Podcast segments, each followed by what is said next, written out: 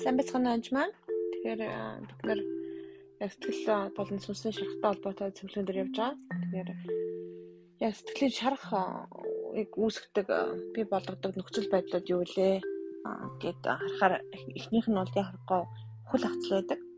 Хайртай нэгний хөл хацл байдаг. Тэгээд ялангуяа хань нэжлээ алдсан эсвэл яг баг наснд аав ээжээ алдсан яг одоо төрсөн дүүгээ агч байгаа ч гэдэм үү ер нь бас яг найз байгаа хайртай залуугаа ч юм уу гимчлэг хайртай хүмүүсээ алдсан бол үнэхээр сэтгэл чархаг үүсгдэг ба.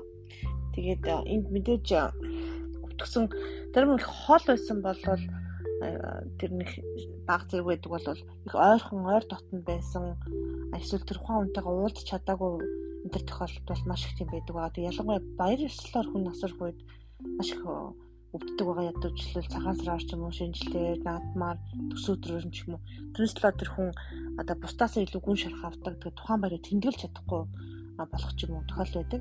Жишээлбэл миний хатам аавны төс өдөр нас орж исэн тэгээ тэр үед миний нөхөрд бол маш хэцүү байсан байгаа.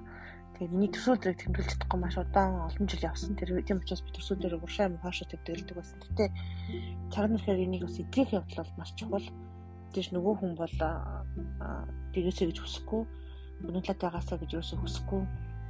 Тийм учраас яг энэ хүний алдсантай холбоотой зөвлөгөн дээр болж игуул тухайн хүнтэй уулз зөвлөх дээр бол их аюултай байдаг учраас хийхгүй байхад зүйтэй гэж боддог ер нь бол. Тийм учраас тэгэхээр яагаад тэр хүнтэй ингэ сэтгэл санаанд шарах авсан бэ? А зөв өхөл хагтал бол тухайн хүнийг насраад 40 хоногтоо тэр гашуудаад тэгээд тэрнээс хойш бол яг үгүй байх юм бол гайгүй. Тэрнээс илүү одоо олон жил гашуудсан явдал тохиолдвол яхаарахгүй хагцлын сүнс хүний одоо ходоодны амьтар маш их орж ирдэг байгаа. Тийм учраас хагцлын сүнс зайл гэж хөөх явуулах чухал хэрэг та одоо олон жил гашуудж байгаа бол а тэгээ тэрэндээ өөрийгөө буруутгах ч юм уу нөгөө хүний буруутгах сэлхийн нэгнийг буруутгах бол маш хэцүү. Тийм учраас тэрнтэй холбоотой зүйл дээр уучлах явдал маш чухал. Одоо чи манай гэрт ирэх байсан бол ч юм уу тэр тэн дээр тэгчээсэн бол юм болохгүй байсан гэж одоо заримдаа ямар ч холбоогүй учир шалтгаан ботох нь хүртэл буруу ер нь бол тийм учраас яг энийгээ цэвэрлэх явдал маш чухал байгаа. Тэгэхээр би бид нар бол голцоо тухайн хүн хаана хизээ юм одоо шарх үсгэр том юм болсон байна гэдгийг хөндлөж авч байгаа цэвэрлэгээ хийдэг байсан анхандаа бол би а одоо бол би яг ариун сүсрээ өдөртүүлдэг болохоор яг тийм юм гэхгүй тэгээд зарим хүн бол нэг асуудалгүй байдаг байгаа. Дараагийн зүйл бол яг салалт байгаа. Салалт бол маш хэцүү зүйл зөвхөн эхнэр нөхөр салахад эхнэр нөхөр ч юм уу салж байгаа хүмүүстэй хэцүүгээс гадна хүүхдүүд бас маш шарх авдаг байгаа. Тийм учраас ер нь анх суухдаа салахгүй суух зорилготой байх хэрэгтэй. Тэгээд салалтыг бурхан ч гэсэн нэг тийм таардаг зүйл ерөөсөө биш. Аа тэгээ яг завхаархаас бус тохиолдоор гэж салаад хэрэггүй ч гэдэг юм тэгж хэлдэг боловч хүмүүс одоо завхаарсан ч гэсэн бас би нэг уучлаа салахгүй байх дээр бол би ер нь дэмждэг. Аа тэгээд үнэхээр би нэгээр алчих гад цохиж умгаагаад ч юм уу тий асуудалтай байхаас бус тохиолдолд ер нь бол хэцүү тэгээд яг гэр бүлийн салалтынтай холбоотой эсвэл гэр бүлийн яг тийм маргаантай холбоотой зөвлөгөө бол би нэг өгдөг өгөх дуртайч бас нэг биш. А гэхдээ ганцаарчлан зөвлөгөөнүүдийг харахгүй өгдөг байгаа. Тийм учраас салалтан дээр бол би хэд хэдэн подкастууд хийсэн. Тэгээд яг сэрв салж исэн дахин 2 3 удаа салж исэн болол яг юунаас болоод байна гэдгийг сайн асуух хэрэгтэй. Аа тэгээд яг энэ дээр бас сэтгэл санааны зөвлөгөөнүүд бас хэрэгтэй болдог байгаа тусна.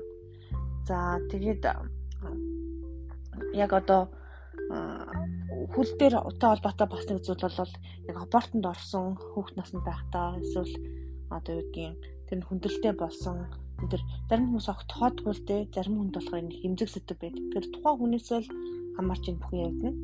Аа тэгээд яг одоо сэтгэлийн бие махбодод шарах авсан тарамт авсан сэтгэл санааны үгийн одоо сексийн тарамт авсан тохиолдлуудыг бол яг ингээд он сараар гаргаад бичих хэрэгтэй. Яг одоо изээ хизээ тийм болсон. Тэгээд бүр дараалтаа сайхан цэвэрлэж явдаг байгаа. Тэгээд аль болох тэр талаар бас хэрэг ингээл тухайн хүн өвчтэй байх юм бол аль болох дэлгүүлж ярих шаардлагатай заримдаа.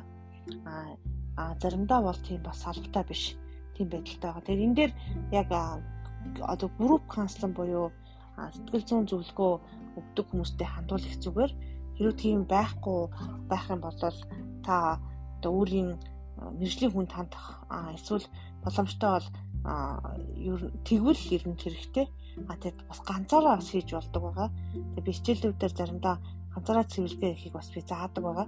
Заадаг. Одоо жишээлбэл яг бие махбодтой холбоотой тусад нь бичтэн. Яг бие махбодын бэртлүүд юу гэдгийг гар ургаа тарцсан юм уу? Эсвэл тайр хулгаараа тайруулсан, эсвэл одоо автобусанд дайруулсан одоо юу гэдгийг машин дайруулсан осол аваартай холбоотой нүдийг бүгдийг нэг тусдан цэвэрлээд а түүнтэй холбоотой сэтгэл санааныг бас тусдан цэвэрлээд би явдаг байгаа. Тэгэхээр энэ цэвэрлэгээ бол нэлээд хугацаа ордог юмнууд.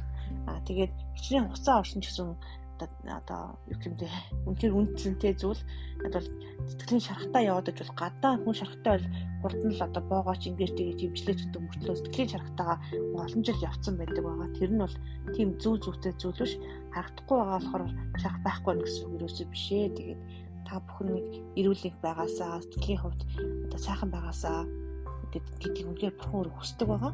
Тэгээ бурхан тэр зүрхсэглээ шахыг идгээдэг байгаа шүү. Тэгээд дараа яг та өөрөө бичиж ягаад аль аль талбар дээр би шарахтай байна. Тэрийг яаж идгээглэх үү?